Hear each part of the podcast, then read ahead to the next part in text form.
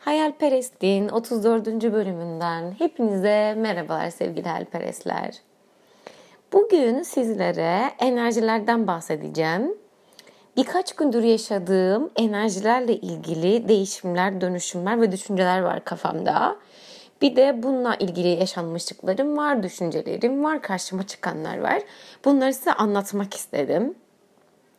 Öncelikle ee, başımdan geçen bir olay anlatmak istiyorum size. Geçen gece otururken içime bir his doğdu. Benim daha önce sevgili hayal sevgilimle tanıştığım bir aplikasyon vardı. Bu aplikasyonu ben silmiştim. Ve bu aplikasyon üstünde e, yeni insanlarla tanışıyorsunuz tabii ki. Ama içime doğan his benim. E, bir sinirli anımda hayal sevgilimi artık takipten çıkardığım için hani tekrardan kaderin bizi sanki enerjimizi o platformda, o aplikasyonda tekrardan birleştireceğini, tekrardan buluşturacağını, tekrardan ekleşeceğimizi düşündüm ben kendi kafamda. Bunu istedim her de bilinçaltımda. Ama bunu yapmamın da aslında bunu istememin de sebebi aslında e, artık hani biz birbirimizi bulduk. Hani başka hiçbir şey ihtiyacımız yok. Başka hani arayışa gerek yok. Birbirimizi hatta oradan bulmaya, takip etmeye de gerek yok. Hani artık zaten biz kavuştuk. O yüzden hani ben seni buradan siliyorum. Hani buradan bana bakmana gerek yok. Benim sana buradan bakmamı takip etmeme, takip etmeme gerek yok. Hani istediğimiz zaman birbirimize ulaşabiliriz. Sağlıklı bir şekilde. İstediğin zaman sen beni arayabilirsin. Ben seni arayabilirim, gelebilirsin gibi bir e, böyle pozitif yaklaşımlar, cümleler söyleyerekten çıkartmıştım ben onu takipten. Programı da silmiştim, aplikasyonu silmiştim. Sonrasında içime bir his doğdu. İşte onun bir söylediği cümle geldi aklıma. O söylediği cümlede işte bana işte Burcuş bir birbirimizin kaderinde varız zaten. İşte çünkü biz daha önce birbirimizi o aplikasyondan birkaç kere yani ben onu sildim tekrardan buluştuk. Tekrardan birleştik aplikasyonda.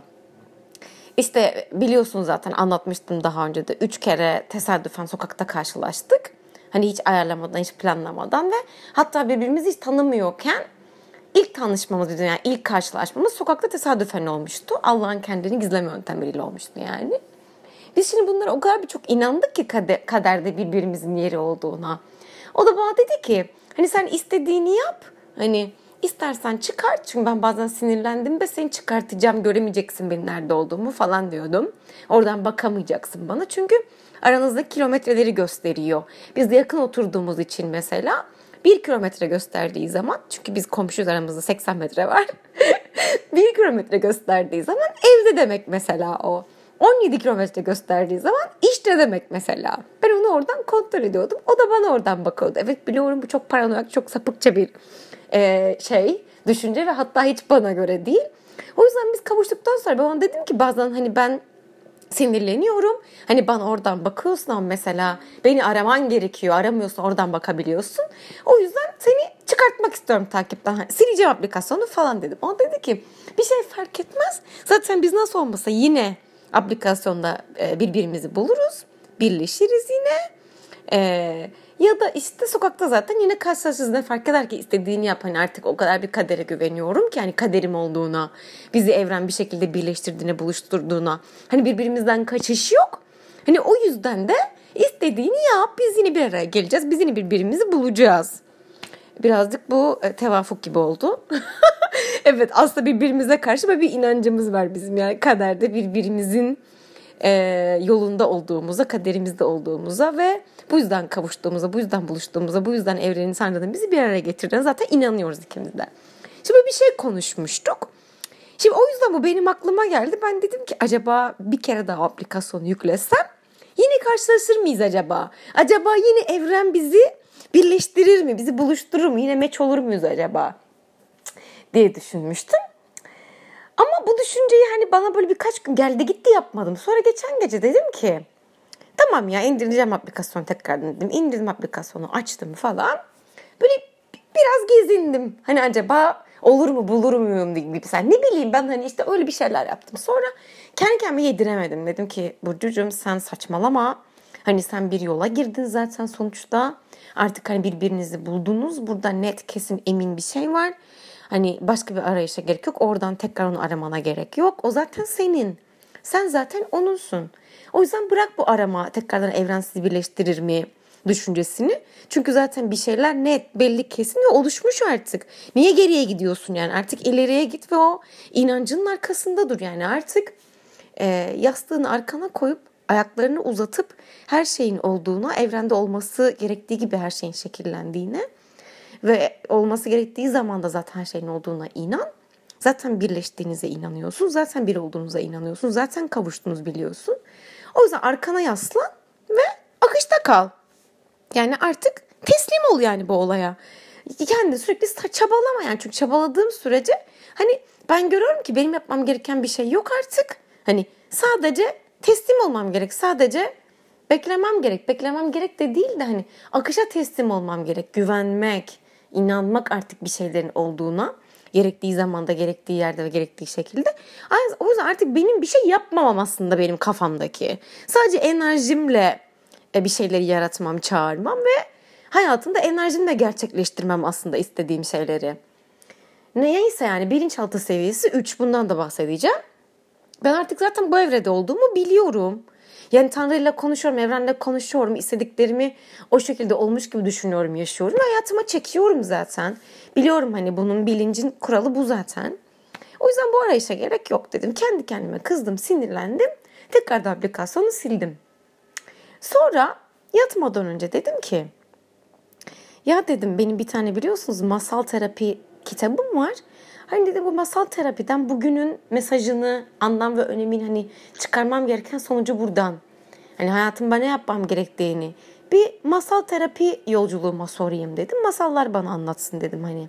Bu yaşadığım günün anlamı, bu düşüncelerimin anlamı neyse ve gitmem gereken yol neyse pusulam olsun dedim o.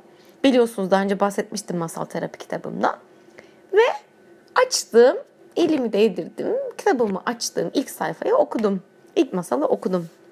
O masalın adı Ayak İzleri. Şimdi sizinle paylaşmak istiyorum yaşadığım bu olayla birlikte.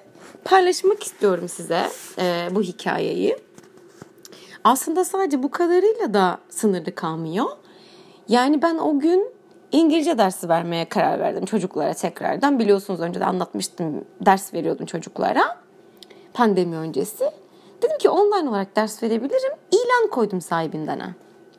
Sahibinden ilan koydum ve beni o gün bir sürü insan aramaya başladı. Fakat hiçbiri dersle ilgili değil. Mesela bir tanesi aradı. Telefon sapıydı büyük bir ihtimalle. İşte benimle bir tanıdığım gibi konuşmaya başladı. Numaramı değiştirdim falan dedi. Ben de saf gibi inanıp konuşmaya başladım. Sonra fark ettim olmadığını, sapık olduğunu falan. Özür dilerim, özür dilerim falan deyip kapattı. Meğer ben sahibinden numaramı koymuşum ders veriyorum diye. Ya insanlar sapıklık yapıyorlar, şanslarını deniyorlar. Bununla da bitmedi. Sonra dönüp bir kişi daha aradı. Dedi ki ben çok param var. Gülüyorum anlatırken kusura bakmayın. Ben dedi çok param var. Size yardım etmek istiyorum. Hani ders verdiğinizi gördüm. Ne olur hani ihtiyacınız varsa izin verin size yardımda bulunayım dedi. Ben de tabii ki şok oldum. Hani ondan öncekisinde de arkadaşımla e, telefonda bu telefon sapıyla ilgili konuşuyordum. Döndük konu başka bir yere geldi. Konu işte e, benim evime bir sallanan sandalye e, almak istiyordum. Hatta onu hayal sevgilim ben sana alayım dedi. Ben de yok dedim sen bana alma. Ben kumbaram var biriktireceğim ben alacağım öyle daha değerli falan dedim. Sen sadece beni sev bana para verme falan dedim çocuğa. Ee, bundan bahsediyorum falan işte arkadaşıma telefonda konuşurken. İşte bir şekilde o sandalye bana gelecek falan filan diyorum böyle. Kulaklık almak istiyorum kaposuz diyorum. Bir şekilde bana gelecek o falan diyorum böyle. Bunun üstüne arkadan telefon çalıyor. Arkadan telefon çalıyor ve arkadan çalan telefonda sahibinden numaramı görmüş, beni aramış. Çok parası vermiş, bana yardım etmek istiyormuş. Tam bizim konuştuğumuz bu hani evrenden iste bir şekilde gelir. Hani onu sana her sevgilini almasa bile o koltuk sana gelecek, o kulaklık senin olacak falan diye konuşuyorduk. Telefon çaldı adam bana para vermek istiyor. Neyse ben de kibarca dedim kusura bakmayın zaten hani çok fazla alışık değiliz biz insanlar olarak karşılıksız bir yardım görmeye. Niye siz bana yardım etmek istiyorsunuz şu an? Biraz kafam karıştı. Bugün de işte birkaç zaten hani telefonla ilgili sapıklık yaşadım. Ee, o yüzden güvenemiyorum. Teşekkür ederim falan deyip kapattım. Aslında orada çünkü benim galiba vermem gereken mesaj ee, bir önceki telefon sapığına hani doğru şekilde davranamadığımı konuştuğumu düşündüm. Boşu boşuna konuştuğumu düşündüm. Bu adamla konuşmamakta aslında oradaki mesaj. Belki de gerçekten para vermek istiyordu. Belki gerçekten iyilik yapmak istiyordu. Onu bilemiyorum. Ama ben kendimce doğru davrandığımı düşündüm. Kapattım. Sonra evet bir de bir şekilde biz inandık ya sandalye bize bir yerden gelecek. Karşıma hiç tanımadığım biri çıktı. Bu her sevgilim değil. Çünkü her sevgilim ben istemedim ben onu. İstemem gerektiğini de biliyorum bu arada. E, kabul etmem gerekiyor yani bana maddi manevi açıdan yardım etmesini. Ama ben işte hani e, yardım istemek yerine hani onun bana sevgisini göstermesini istiyorum. Onun da aslında sevgisini ifade etme şekli maddi şekilde bir şeyleri yapmak benim için göstermek. Onu da biliyorum. Ama şimdi ona durup da link gönderemediğime göre hani bana bunu al diye durduk yere. Hani ben böyle bir şey hani nasıl yaparım diye düşünürken telefon çalmış tanımadığım birinden gelmiş bana o para. Yine evrenin bence işaretleri. Ama ben hani güvenemediğim ona inanamadığım için kabul etmedim tabii ki de. Çünkü aslında benim bu hayatta biliyorum başarmam gereken şey tanımadığım birinden para istemek değil hayal sevgilimden sevdiğim adam bana aslında maddi yardımı kabul etmek ve bana hayatım boyunca eksikliklerimi maddi olarak tamamla, tamamlamasına izin vermek, her eksiğimi, her ihtiyacımı belki de yardım etmesine izin vermek. Aslında benim hayattaki döngüm değişimim bu olması gerekiyor biliyorum. Bunu yapmam gerekiyor. O yüzden de kibarca reddettim. Sonra zaten mesajların e, önü arkası hiç kesilmedi. Sonra zaten hani bir kişi daha mesaj attı. Bakıyorum hani böyle e, mesaj atmış gece 11'de fotoğrafında işte çocuk resmi falan olacağı yere bir araba resmi var. Belli ki hani kız resmi görmüş işte falan. Yani o da boşuna bir mesajmış. İngilizce dersi için değilmiş. Çünkü daha önce başıma çok geldi böyle şeyler. O yüzden de hani biliyorum hani böyle şeylere aldanmamam gerektiğini. Ee, sonra tekrardan bir mesaj aldım. Daha doğrusu tekrardan telefon çaldı. O da gece üç buçukta yine telefon sapıydı. Büyük ihtimal yine telefonumu hani sahibinden bulmuş. O da işte hani benimle eski bir tanıdığı gibi arkadaş gibi konuşmaya çalıştı. Dedim ki artık gerçekten hani yeter. Sildim ilanı. Kalktım gece saat dörtte sildim ilanı. Çünkü belli ki benim verdiğim o mesaj hani başka yerlere gidiyor yani. Hani ben orada çocuk bulmaya çalışıyorum. Ders vermek için, İngilizce dersi vermek için, öğretmek için. Hani insanlar orada gerçekten hani birilerini bulmaya çalışıyorlar veya bir şekilde yaklaşmaya çalışıyorlar işte beğendikleri birine veya işte bir kadına ne bileyim hani mesaj başka bir yere gitmiş anlamından şaşmış. Ben de sildim ve rahat ettim. Bir daha telefon çalmadı. Neyse bu yaşadığım olaydan sonra işte bu böyle bir gün atlattıktan sonra ayak izleri denilen bir masal e, açtım kendi masal terapi kitabımdan. Onu okudum. Siz de dinleyin bakalım ne kadar anlamlıymış, ne kadar uyumluymuş, ne öğrenmem gerekiyormuş ve enerjime neler katmam gerekiyormuş, nasıl neyi hayatıma çekmem gerekiyormuş. Bu masal bana neyi öğretmiş ve sizlere okuduğum zaman acaba siz ne hissedeceksiniz, siz ne öğreneceksiniz? Hep birlikte bir dinleyelim. Ayak izleri. Bir hayat boyu yürüyüp sonsuzluk okyanusunun kıyısına gelmişti. Boşluğa doğru baktı. Zamanın hafif nefesini yüzünde hissetti ve sessizliğin, sessizliğin dalgalarını dinlemek için bir kayanın üzerine oturdu. İşte o sırada onları gördü. Ayak izlerini. Elbette kumda ona doğru gelenler kendi ayak izleriydi. Ama onların yanında bir çift ayak izi daha vardı. Etrafta kimse yoktu. Yalnız yürümüştü. Çoğu kişi bu noktaya hiç ulaşamamıştı bile. Gözleriyle ayak izlerini görebileceği en uzak noktaya kadar takip etti. Öyle anlaşılıyordu ki Diğer ayak izleri hep onunla beraberdi. Sanki hiç yalnız yürümemişti. Hayatının bütün anlarını gözden geçirerek geri yürüdü. Ve bu gizemli ayak izlerine çoğu yerde rastladı. Hayatının her noktasında yanında ona eşlik eden, tanıklık eden biri vardı. Bunu anlayınca için derin bir sevgi kapladı. Bir melek tarafından korunup kollandığını sık sık hissetmişti. Sanki Sevgi dolu bir varlık onu takip ediyor gibi gel- gelirdi hep. Şimdi bunun doğru olduğunun kanıtını bulmuştu. Bazen ne kadar yalnız hissetmişti. Olursa olsun şimdi asla yalnız olmadığını anlıyordu. Bütün o zaman boyunca orada birisi vardı. Sonra biraz daha yakından baktı ve durumun her zaman böyle olmadığını gördü. Hayatını yeniden gözden geçirirken ayak izlerinin gizemli bir şekilde kaybolduğu bazı zamanlar olduğunu gördü. Oralarda sadece bir çift ayak izi vardı. Sonra başka bir şey fark etti. İkinci ayak izlerinin kaybolduğu anlar hep hayatının zor zamanlarıydı. Halının ayağının altından çekildiğini hatta ayaklarının altındaki yerin yarıldığını hissettiği zamanlardı. İkinci ayak izleri bu kara günlerde düzenli olarak kayboluyordu. Bunu görünce kalbi kırıldı ve öfkelendi. Neden? Neden ihtiyacım olduğu zamanlarda hep böyle terk edildim? Öfke ve üzüntüyle kalbinin sesi şakaklarında yankılanırken sordu. Bir açıklama istiyorum. Neden her adımımda destekleniyor, destekleniyor ve izleniyorken, bana eşlik ediliyorken, en çok ihtiyacım olduğunda terk ediliyorum? Ve sonra kalbinin derinliklerinden cevabı duydu. Ses şöyle dedi. Her zaman seninleydim. Yoldaki her adımda. Bu yüzden hayat yolunda iki çift ayak izi görüyorsun. Ama üzgün olduğunda, hayat sana artık yürüyemeyeceğin kadar ağır geldiğinde seni taşıdım. O zamanlarda gördüğün ayak izleri senin değil, benim. Hikayenin mesajı. Yalnız değilsin. Yalnız olmakla yalnız hissetmek arasında çok büyük bir fark vardır. Kalabalık bir odanın ortasında da kendimizi yalnız hissedebiliriz. Veya ormanda yalnız yürürken evrenin bizi kucakladığını hissedebiliriz. Sosyal medya yalnızlık ve bağlantıda olma algılarımızı değiştirdi. Bağlantı kurma araçlarına sahip olmamız ve dünyanın her yerinde aynı ilgi alanlarını paylaştığımız insanlarla fikir alışverişinde bulunmamız harika bir şey. Ancak bu tür medyaya bağlılık, teknoloji ve sürekli Facebook'taki güncellemeleri takip etmek, bütün insanlara ve genel olarak evrene derinden bağlı olduğumuzu hissetmemizi engelleyebilir. Gözlerimi kapatarak Arjantin'deki bir arkadaşımı aklıma getirebilir, ona bir not göndermeden veya fotoğrafını etiketlemeden enerjisini hissedebilir, ışığına bağlanabilirim. Kalbin süper güçlerinden biri de budur.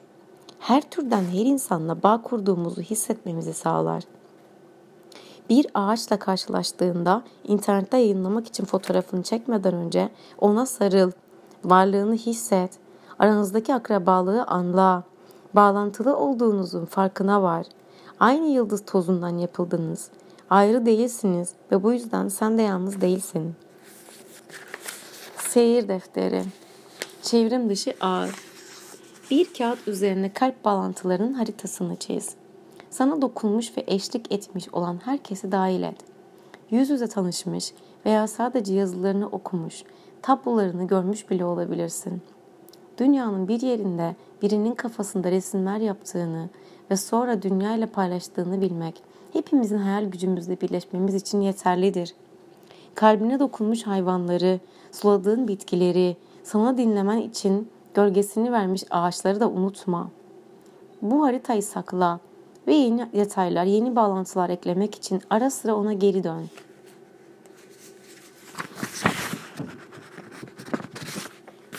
Bizler evrenden ayrı değiliz.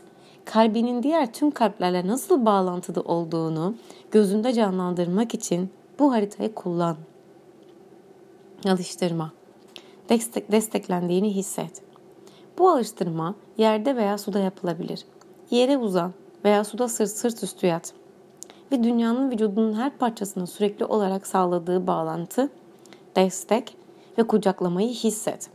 Kendini sevgi dolu doğa ananın kucağına yatan bir bebek olarak hayal et. Alıntı. Sanki ayaklarınla yeryüzünü öpüyormuşçasına yürü. Evet sevgili hayalperestler. Hikayede ne anladık, bize ne öğretti, o gün neler yaşamışım ve bana bu hikaye neden gözüme çarpmış, neden okumamı sağlamış evren. Şimdi anladık mı?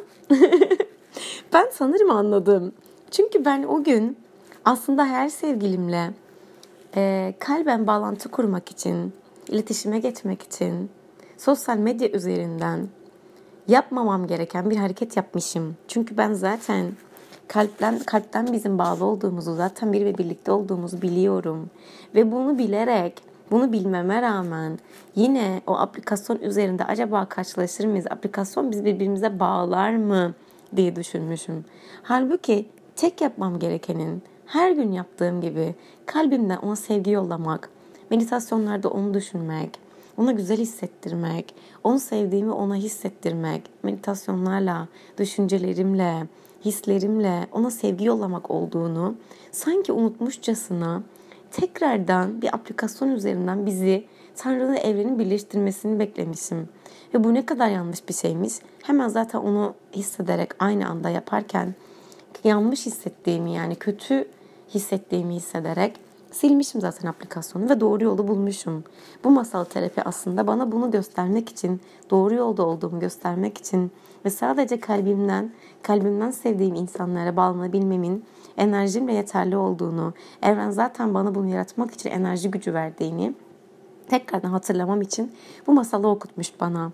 Çünkü sadece yapmam gerekenler benim için yeterli. Yaptıklarım yeterli. Kalpten enerji, sevgi yollamak zaten sevdiklerime. Ve onlarla zaten her zaman bağlantıda olduğumu unutmamak. Sadece enerji göndermek, sadece onu sevdiğimi hissettirmek, söylemesem bile enerjimle hissettirmek mümkün zaten insanlara, sevdiğim insanlara, hayal sevgilime. Hiçbir şekilde mesaj atmama, aramama, bağlantı kurmak için bir aplikasyona ihtiyacım yok. Instagram'a, Facebook'a, Tinder'a ihtiyacım yok. O yüzden bunu tekrardan hatırlamak için bu, bu kitaptaki bu e, hikayeyi okumuşum sanırım. Bana okutturmuş işte onu evren bir şekilde. Ve aslında kalbimizin sesini duyarak içimizdeki bütün ihtiyaçları aslında orada bulabilmemizi sağlamış. Aslında bütün cevapları kalbimize sorup orada bulabileceğimizi, orada hissedebileceğimizi tekrardan bana hatırlatmış. Bu hikayede aslında gördüğüm gerçekten evrenle iletişimde olmam her şey için, sevgide ve bağlantıda kalmam için insanlarla yeterli olduğu, evrenle, enerjilerimle sevgimi, bağlılığımı, hissettiklerimi, düşüncelerimi, isteklerimi, hayallerimi zaten karşı tarafa hisset, hissettirebildiğimi, hissedebildiğimi, yaşayabildiğimi hatırlatmak aslında bana. O yüzden okumuşum bu masal terapiyi. Bunu şimdi hatırlıyorum ve tekrardan size anlatmak istedim. Bu aklımdaki düşüncelerimi, hislerimi, size aslında hatırlatarak, size anlatarak kendime de hatırlatmak istedim. Bir anı bırakmak istedim bu hissettiklerimle ilgili. Belki de her unuttuğumda, bu hislerimi belki de her unuttuğumda buraya geri dönmek, bunu hatırlamak için belki de podcast dinlemem gerekir benim de. Ve sizin de belki de. O yüzden belki de bu masalı şimdi şu anda size anlatmışımdır diye düşünüyorum. Her zaman masallar çünkü kurduğumuz oyunlardır ve bize gerçeği yansıtır. Hayatımıza gitmemiz gereken yolu gösterir aslında. Hayallerimize giden yol aslında hayallerimizi yaratmamızdan bir oyun gibi onu yaratıp oynamamızdan geçer aslında biliyorsunuz. Birazcık da şimdi buradan bahsedeceğim. Ee, katıldığım bir eğitimde bilinçaltı evrelerini öğrendim ve aslında bildiğim şeyleri tekrardan dinledim diyebilirim. Birazcık size o yüzden bunlardan bahsetmek istiyorum. Bilinçaltı evrelerinden. Bilinçaltı evreleri dört tane. Sadece aslında bu okuduğum masalla da ve yaşadıklarımızla da aslında ilintilendirilmiş yani bu söyleyeceklerim şimdi. Bunlarla da alakalı. Bilinçaltının evreleri dört tane. Size bunlardan bahsedeyim birazcık. Birinci evre suçluluk psikolojisi. Yaşadığımız herhangi bir olaydan dolayı kendimizi suçlarız. İçimizdeki çocuğu suçlarız. Ve bu suçluluk bilinciyle aslında her şeyi kendimizin yarattığını fark etmeden hayatta bir suçlu arayarak yaşarız. Her şeyden kendimizi suçlu tutarız ve bir suçlu arayarak o yaşadığımız kötü olayın, olayın neticesini kendimize bağlayarak değil de dışarıda bir suçlu arayarak hayatımızı devam ettirme evresi. Bilinçaltı evresi 1. Bilinçaltı evresi 2'de aslında düşüncelerimizi farkına varıyoruz. Aslında bütün hayatımızı düşüncelerimizin yönlendirdiğini fark ediyoruz ve buna göre yaşamaya başlıyoruz. Yani aslında benim bu podcast'ı çekmemdeki neden gibi sizler için. Hani enerjilerimle bir şeyleri hayatıma çekiyorum, düşüncelerimle onları canlandırıyorum. Ve yıllar sonra, haftalar sonra veya günler sonra veya hemen o anda yaşıyorum ya. Hani size anlattığım hikayeler gibi. Aslında bu da öyle bir şey. Yani bilinçaltı seviyesi 2'de olduğunuzda düşüncelerinizin hayatınızı yönlendirdiğini fark edersiniz. Yani düşüncelerinizi siz yarattığınızı fark edersiniz. Dolayısıyla her yarattığınızı, her düşündüğünüzü, her söylediğinizi daha dikkatli yapmaya başlarsınız. Daha dikkatli konuşmaya başlarsınız. Daha dikkatli söylemeye başlarsınız. Farkındalıkla yaşarsınız. Çünkü düşüncelerinizin, konuştuklarınızın sizi aslında o içinde bulunduğunuz hayatta olmanızı sağladığını, onu yaşamanızı sağladığınızı ve siz yönlendirdiğiniz düşüncelerinizle hayatınızı sizin yönlendirdiğinizi algılamış olursunuz bilinçaltı seviyesi 2'de.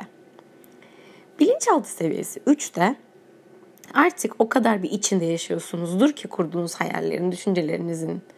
Artık o sizin hayatınız olmuştur. Onu siz şekillendiriyorsunuz, siz yönlendiriyorsunuzdur ve hayat artık bir oyun gibidir. Hayatı artık bir oyun gibi siz kurarsınız ve bu kurduğunuz oyunda da yaşamak, kurduğunuz kurallar, hissettiğiniz hisler, düşünceler artık sizin gerçeğiniz olur. Ve bu oyunu siz yaratarak istediğiniz gibi oynarsınız. Ve hayatı istediğiniz gibi hayallerinizi yönlendirerek yaşarsınız ve kendinizi içinde bulursunuz. O hayatı yaşarken bulursunuz. Yani aslında ben bence 2 ve 3 arasındayım şu an. Yani bilincindeyim konuştuklarımın, düşüncelerimin ve aslında bir hayatı oyun gibi düşünüp kurup yaşıyorum. Gerçeklik seviyesinde öyleymiş gibi farz edip yaşıyorum aslında. Bir oyun çünkü bu hayat. Böyle olduğunu biliyorum. Böyle yönlendirip böyle yaşıyorum. Ve sanırım bilinç seviyesi 4'e gelmek için e, insanlar ya artık bir evreleri aşmış oluyorlar ya artık oraya geldiklerini kendileri bile fark etmiyorlar. Yani orada e, çok üst bir bilinç seviyesi var. O yüzden hani bilinç seviyesi 4'te çoğu insan gelemiyormuş. Bilemiyorum belki ben bir gün gelirim. Bu da belki en büyük hayalim olur. Ya da bilmiyorum belki hissederim oraya geldiğimi veya hissedersiniz. Bilinçaltı seviyesi 4'te şöyleymiş. Ee, hayatınızı izler gibi kendinize dışarıdan bakmak. Yani bir gerçeklik yaşarken, bir anı, bir olayı yaşarken kendinizin içinden geçip kendinize o olaya dışarıdan bakmak. Yani kendiniz dünya üstündeki hayatınızı seyreder gibi yaşamak. Yani kendinizi görüyorsunuz. Yaptığınız her şey bir başkası gibi kendinizi izliyorsunuz, görüyorsunuz ve kendinize dışarıdan bakıyorsunuz. Ee, bu evre evet çok üst bir evre. Yani kendinizi gözlemlemek, başka bir insanmış gibi, kendinizi dışarıdan biriymiş gibi bakıp izlemek ve gözlemlemek. Bu da yani öyle bir hayal gücü yaratıyorsunuz ki istediğinizi kendinizi dışarıdan gözler gibi hissedip o an yaşıyorsunuz. Gerçekten çok üst bir evre bu. Evet bilinçaltı seviyesi 4'te böyle bir evre. Şimdi bilinçaltı seviyelerinden bahsettik. Yaşadıklarımızdan bahsettik. Bana o gün yaşadıklarımın neler hatırlattığını, neler, neler anımsattığını bahsettik. Doğru masalı bulduk ve doğru masalı okuduk.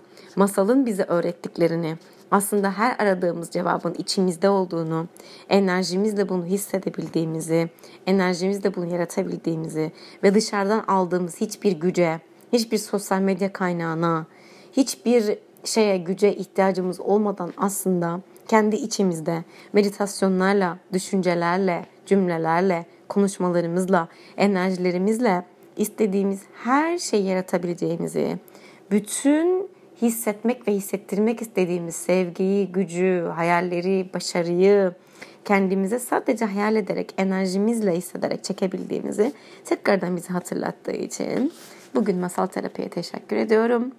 Beni dinlediğiniz için sizlere teşekkür ediyorum. Konuşarak kendimi anlatma fırsatı bulduğum için kendimdeki içindeki güce, enerjiye teşekkür ediyorum. Farkındalıklarıma, ve beni sizle buluşturan her podcast'a, podcast'a teşekkür ediyorum tekrardan. İyi ki varsınız. Enerjinizle kalın. Kendi kendinize hayallerinizi yaşayabileceğinizi ve yaratabileceğinizi, enerjinizle her şeyi hissetmeni ve hissettirmeyi mümkün olduğunu ve onları yaşamanın an meselesi olduğunu sakın unutmayın hayalperestler. Kocaman öpüyorum. Size sevgi ve enerjimi gönderiyorum. Hayallerinizde kalın diyorum. Hayallerinizin enerjisini yaratabilmeniz dileğiyle. Hoşçakalın. Sevgiyle kalın. Hayallerle kalın. Bay bay.